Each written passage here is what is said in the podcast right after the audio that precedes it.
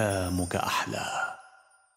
الحمد لله رب العالمين له النعمة وله الفضل وله الثناء الحسن صلوات الله البر الرحيم والملائكة المقربين على سيدنا محمد وعلى آله وصحبه الطيبين الطاهرين الميامين. اللهم علمنا ما جهلنا وذكرنا ما نسينا وزدنا علما ونعوذ بك من حال أهل النار.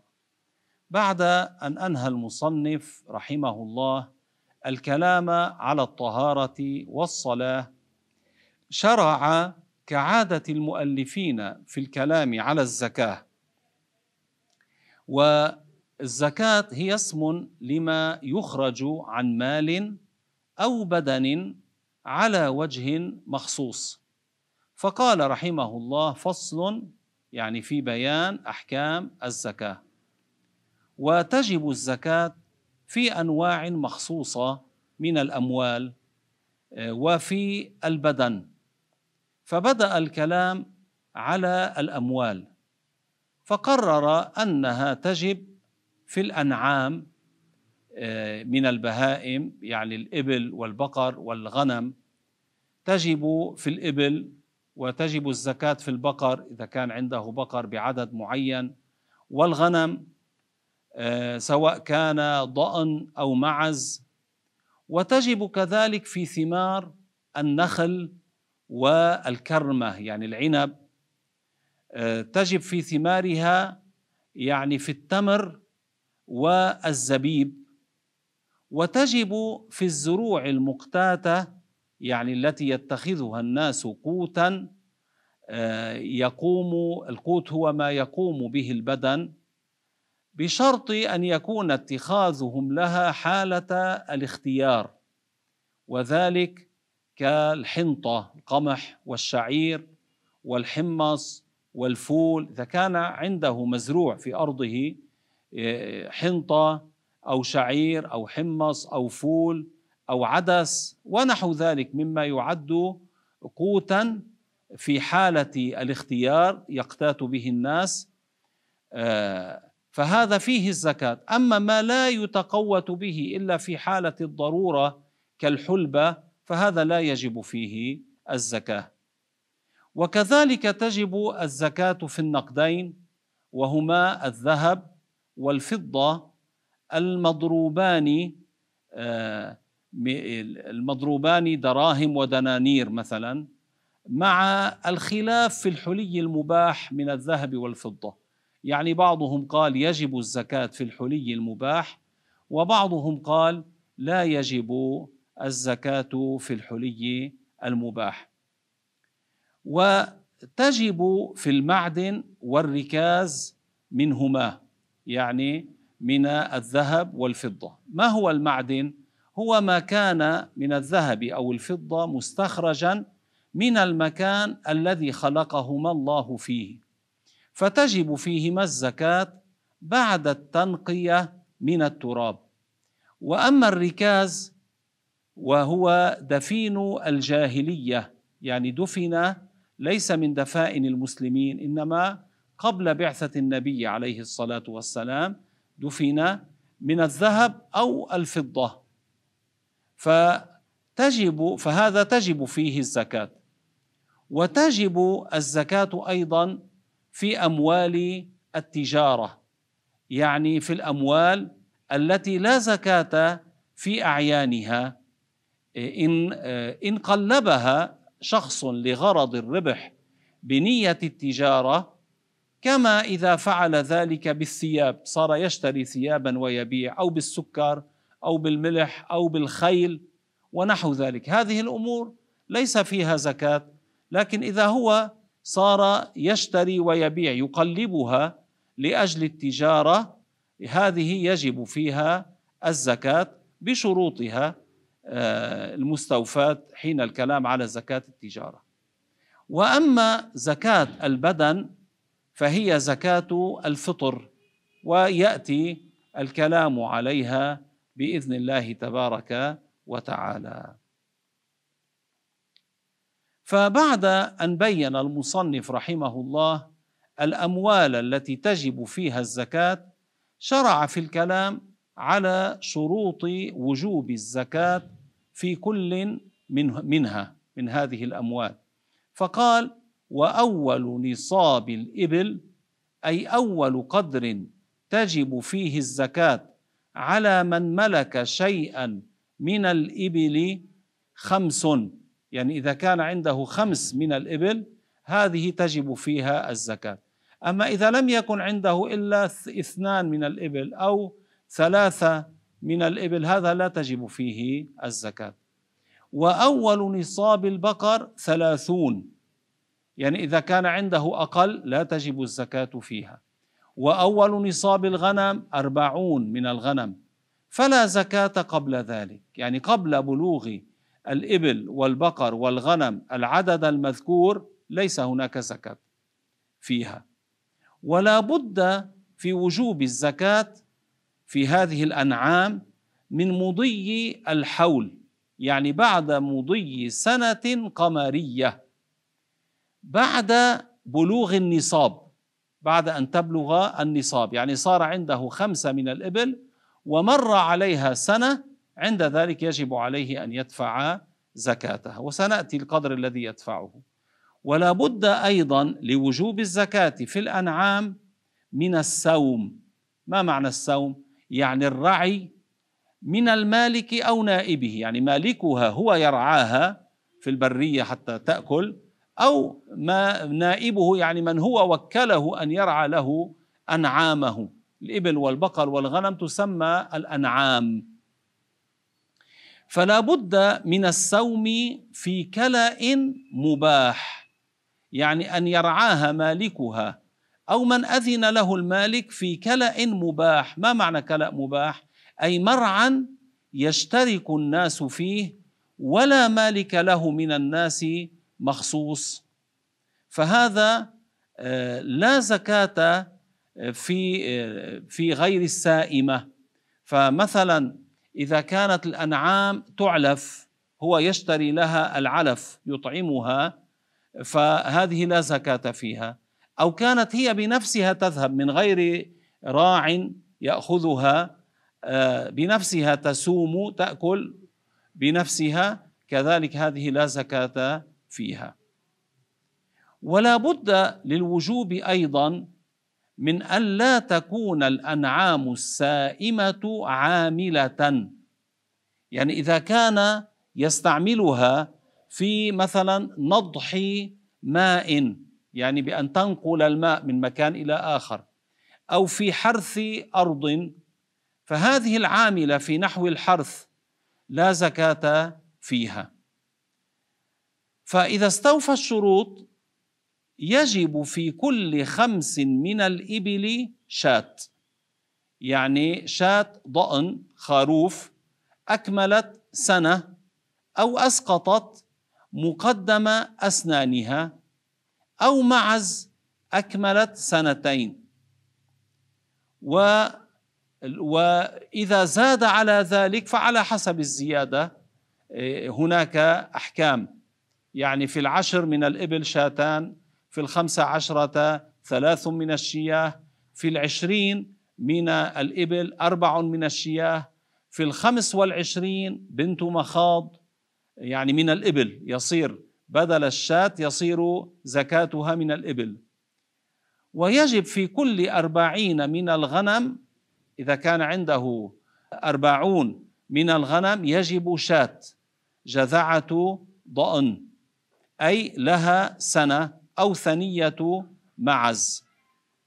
أي لها سنتان. ويجب في كل ثلاثين من البقر تبيع ذكر وهو ما له سنة من البقر. وفي كل أربعين من البقر مسنة يعني بقرة لها سنتان. والأنعام التي بين النصابين عفو لا زكاة فيها. ثم إذا زادت ماشيته على ذلك المذكور ففي ذلك الزائد تفصيل يعلم من كتب أوسع من هذا المختصر. ويجب عليه أي على من ملك شيئا زائدا من الأنعام عن النصاب الذي ذكرناه أن يتعلم ما أوجبه الله تعالى عليه من الزكاة فيها أي في الماشية. فهذه الزكاة في الأنعام. أما التمر والزبيب والزروع المقتاتة حالة الاختيار فأول نصابها يعني أول قدر تجب فيه الزكاة هو خمسة أوسق. فلا زكاة فيما هو أقل من ذلك. وهي يعني هذه الخمسة أوسق هي ثلاثمائة صاع بصاع النبي عليه الصلاة والسلام. لأن الوسق ستون صاعا فالخمسة تكون ثلاثمائة صاع والصاع أربعة أمداد والمد هو ملء كفي رجل معتدل كفاه معتدلتان. لهذا قال المصنف رحمه الله بصاعه عليه الصلاة والسلام. وصاع النبي صلى الله عليه وسلم معياره يعني قدره موجود إلى الآن في الحجاز. ومن أحكام الزروع أنه يضم زرع العام بعضه إلى بعض في إكمال النصاب. إن اتحد الجنس وكان الحصاد في عام واحد. فإذا كمل النصاب بضم الزرع الأول إلى الزرع الثاني وجبت الزكاة ولو اختلف النوع لكن كان من نفس الجنس. يعني قد يكون هذا قمح وهذا قمح لكن هذا قمح من نوع وذاك قمح من نوع آخر. أو هذا تمر وهذا تمر وهذا تمر مثلا آه، من نوع وهذا تمر آه، من نوع آخر. مثلا بيقولوا هذا تمر سكري هذا تمر عجوة أو نحو ذلك. ولا يكمل جنس من الزروع بجنس آخر لإتمام النصاب. يعني مثلا الشعير مع الحنطة. لو كان عنده شعير وحنطة وكل منهما أقل من خمسة أوسق لا يضيف هذا إلى هذا حتى يقول وجبت الزكاة. لا لا تجب عليه الزكاة في هذا. ولو كان مجموعهما خمسة أوسق لأنهما جنسان مختلفان. فلا يضم هذا إلى هذا في إكمال النصاب. بخلاف النوعين من جنس واحد. مثلا كبر شامي قمح شامي وبر مصري قمح مصري. فإنهما يضمان يعني هو عنده في أرضه زرع فيها قمحا شاميا وقمحا مصريا. من نوع المصري يعني آه، زرعه. فهذان يضمان لأنهما من جنسين مختلفين. كيف يقولوا في رز مصري أو رز مثلا هندي أو نحو ذلك. وتجب الزكاة في التمر والزبيب ببدو الصلاح ولو في حبة واحدة. ومعنى بدو الصلاح أن تظهر علامة بلوغ هذا الثمر صفة يطلب فيها للأكل غالباً. مثلا كظهور التلون في العنب الذي يتلون ومبادئ النضج في غيره يعني بدأ ينضج هذا الثمر. فهو الثمار ذكرنا ثمار إيش؟ التمر والزبيب. أما التفاح والليمون والتين ونحو ذلك فهذا لا زكاة فيها في مذهب الإمام الشافعي إلا إذا كان للتجارة. وتجب في الزروع آه، عند اشتداد الحب. ولا يصح الإخراج إلا يعني إخراج الزكاة إلا بعد جفاف التمر والزبيب وتصفية الحب من سنبله ونحو ذلك. وتجب فيها يعني في التمر والزبيب والزروع كم هي قدر الزكاة التي تدفع؟ قال تجب فيها العشر إن لم تسقى بمؤنة. يعني آه، إذا سقيت مثلا بماء المطر أو بماء النهر هذه تعد لم تسقى بمؤنة لم يتكلف كلفة ظاهرة على السقاية. فيخرج آه، العشر عنها. يعني عن الثلاثمائة صاع مثلا التي هي ستون التي هي خمسة أوسق ثلاثمائة صاع كم يخرج؟ يخرج ثلاثين صاعا. ويجب فيها في هذه التمر والزبيب والزروع يجب فيها نصف العشر إن سقيت الأرض بمؤنة. كما إذا سقيت بماء نقلته الدواب من محله إلى الزرع على ظهورها. أو مثلا بالدولاب الذي تديره الدابة أو بالناعورة. معروفة الناعورة في بعض البلاد أو بمضخة الماء. فهذه ليس يتكلف البنزين أو المازوت أو نحو ذلك؟ فيخرج عن الثلاثمائة صاع حينئذ ليس ثلاثين صاعا إنما خمسة عشر صاعا. وما زاد على النصاب المذكور الذي هو خمسة أوسق أخرج منه يعني بقسطه يعني أخرج عن القدر الزائد بقسطه ولو كان يسيرا. لأن العفو لا يدخل هنا بخلاف الماشية. قلنا في الماشية يعني الإبل والبقر والغنم ما بين النصاب والنصاب آه، عفو لا يدفع إلا قدر النصاب الذي آه، أتمه. آه، أما بالنسبة للزروع والثمار فما زاد بقسطه. ولا زكاة فيما دون النصاب الذي هو خمسة أوسق إلا أن يتطوع مالكه. يعني تكون نافلة له فيها ثواب لكن ليس واجبة. أما الذهب والفضة فالذهب نصابه عشرون مثقالا. ما هو المثقال؟ المثقال هو وزن اثنتين وسبعين حبة شعير متوسطة من شعير الحجاز غير منزوعة القشر بعد أن يقطع منها ما دق وطال وأما الفضة فنصابها مئتا درهم والدرهم هو ما وزنه خمسون وخمسا حبة شعير متوسطة. ويجب فيهما يعني في الذهب والفضة إذا بلغ النصاب ربع العشر. وما زاد على النصاب فبحسابه. ولو كان ذلك الزائد يسيرا كما مر في الزروع. ولا بد فيهما أي الذهب والفضة من مضي الحول. أما في الزروع قلنا ما تخرجه الأرض في ضمن الحول. أما الذهب والفضة فبعد أن يتم النصاب ينتظر حولا. إذا مضى حول لأنه قد يصرفها خلال الحول. فإذا مضى حول آه، عند ذلك يكون وجب عليه الزكاة. إلا يستثنى هنا ما حصل من الذهب والفضة من معدن يعني من المنجم الذي يخرج منه الذهب أو الفضة. ما يخرجه مجرد بلوغه نصابا يدفع زكاته.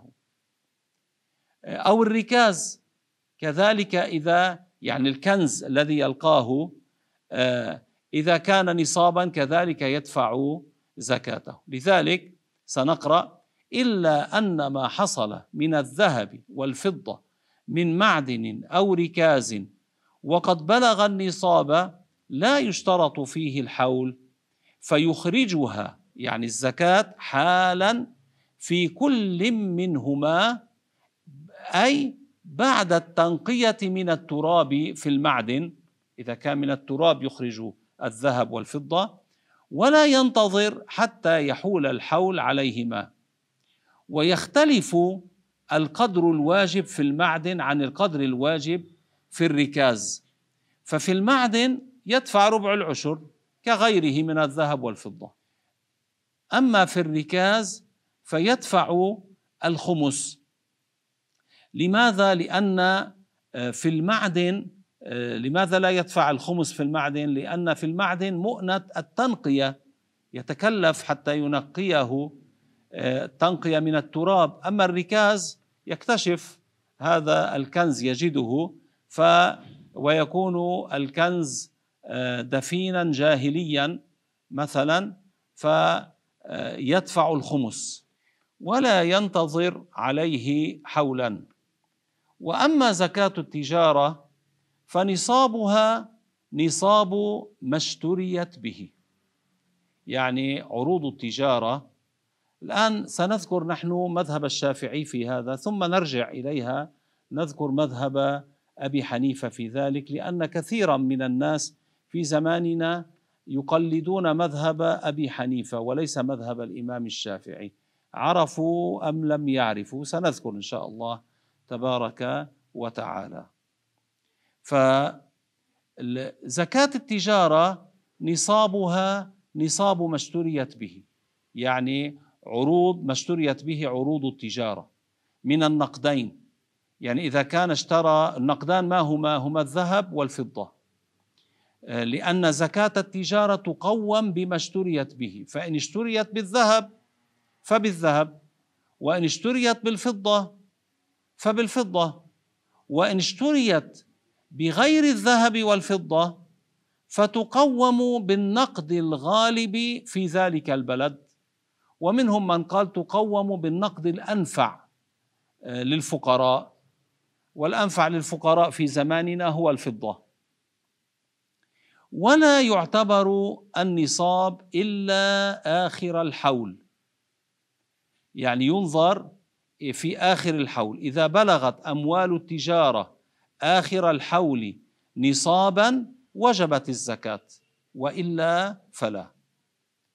ويجب فيها أي زكاة التجارة ربع عشر القيمة أي قيمة أموال التجارة. ويخرج الزكاة ذهبا إن كان تقويمها بالذهب أو فضة إن كان تقويمها بالفضة. آه معناه الزكاة يخرجها إما ذهب أو فضة لكن أليس أكثر الناس في زماننا فيما أعلم يعني في هذا البلد ماذا يخرجون؟ لا يخرجون ذهبا ولا فضة في الغالب عن التجارة إنما ماذا يخرجون؟ قد يخرجون بضاعة أو يخرجون بالدولار أو بالليرة يعني بالعملة الورقية وهذا لا يكون في بحسب موافقة مذهب الإمام الشافعي رضي الله عنه إنما هو على حسب مذهب الإمام أبي حنيفة رضي الله عنه وهذا سنأتي إليه إن شاء الله تعالى. ومال الشخصين الخليطين أو الأشخاص الخلطاء كمال الشخص المنفرد في قدر النصاب والقدر المخرج. فإذا حصلت الخلطة وكان المجموع نصابا أخرجوا جميعا.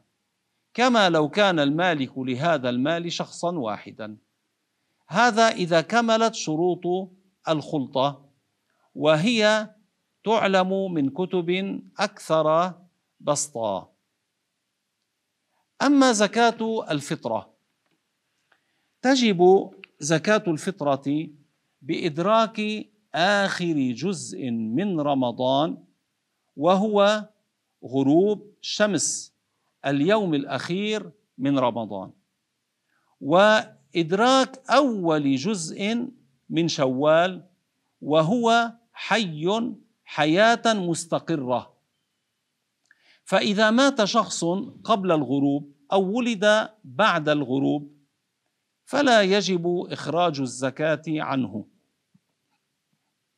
وزكاة الفطرة تجب على كل شخص مسلم حر عليه وعلى من وجبت عليه نفقتهم.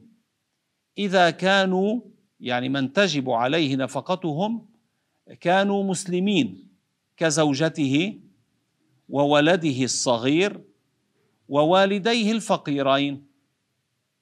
على كل واحد صاع من غالب قوت البلد. وهو غالب قوت البلد في بلاد الشام ومصر القمح. والأرز يكون من غالب قوت البلد في بعض نواحي الهند وأندونيسيا. والذرة تكون غالب قوت البلد في نواحي من الحبشة وغير ذلك في بلاد أخرى. يعني ما هو غالب القوت الذي يتقوت به أهل البلد؟ هذا الذي يخرج منه آه، زكاة فطرته صاعا عن نفسه وصاعا عن كل واحد وجبت عليه نفقته على ما ذكر. والقمح يكفي يصح في أي بلد من البلاد لأنه يعد أقوى من غيره. وتجب آه، زكاة الفطرة على المسلم إذا آه، كان فضلت آه، عن دينه يعني فضل ما يخرجه للفطرة عن دينه ولو كان دينه مؤجلا وعن كسوته وكسوة من عليه نفقته اللائقين بهم. وفضلت عن مسكنه ومسكن من عليه نفقته اللائقين بهم. وعن قوته وقوت من عليه نفقتهم يوم العيد وليلته المتأخرة عن العيد يعني التي تأتي بعد يوم العيد. ويحرم تأخير دفع زكاة الفطرة عن غروب شمس يوم العيد بلا عذر. أما إذا كان لعذر كأن كان ينتظر قريبه الفقير أو يوجد أناس أحوج ينتظرهم حتى يدفع لهم فهذا لا لا معصية عليه. وتجب النية في القلب في جميع أنواع الزكاة. فتكفي هذه النية مع الإفراز للقدر المخرج زكاة كأن ينوي مثلا آه هذه زكاة مالي المفروضة أو صدقة مالي الواجبة. أو هذه زكاة بدني عن الفطرة. وما معنى الإفراز؟ هو عزل القدر الذي يريد أن يزكيه عن باقي ماله. يعني القدر الذي يريد أن يدفعه زكاة عن باقي ماله. ويجب صرف الزكاة إلى من وجد في بلد المال من الأصناف الثمانية الذين ذكرهم الله تعالى في القرآن. من الفقراء من هو الفقير؟ هو من لا نفقة على غيره واجبة له ولا يجد إلا أقل من نصف كفايته. كالذي يحتاج مثلا لعشرة فلا يجد إلا أربعة. هذا يسمى فقيرا. والمساكين والمسكين هو الذي له ما يسد مسدا من حاجته لكنه لا يكفيه كفاية لائقة بحاله. يعني مثلا يحتاج إلى عشرة لا يجد إلا ثمانية هذا يعد مسكينا ليس فقيرا إنما مسكينا. والعاملين عليها أي على الزكاة يعني هو من استعمله الإمام يعني الخليفة على أخذ الزكوات من أصحاب الأموال ودفعها لمستحقيها ونحو ذلك. ولم يجعل الإمام له أجرة من بيت المال فهذا يعطى من الزكاة. وكذلك من المصارف المؤلفة قلوبهم وهم أقسام. منها من كان كافرا ثم أسلم لكنه لم يتآلف مع المسلمين بعد. لكن هو مسلم هذا يعطى من مال الزكاة حتى تقوى نيته بالإسلام. وفي الرقاب هم الأرقاء المكاتبون كتابة صحيحة يعني الذين تشارطوا مع أسيادهم على أن تكون لهم الحرية إذا دفعوا لهم قدرا معينا من المال. فهؤلاء يعطون من مال الزكاة لإعانتهم على الحرية.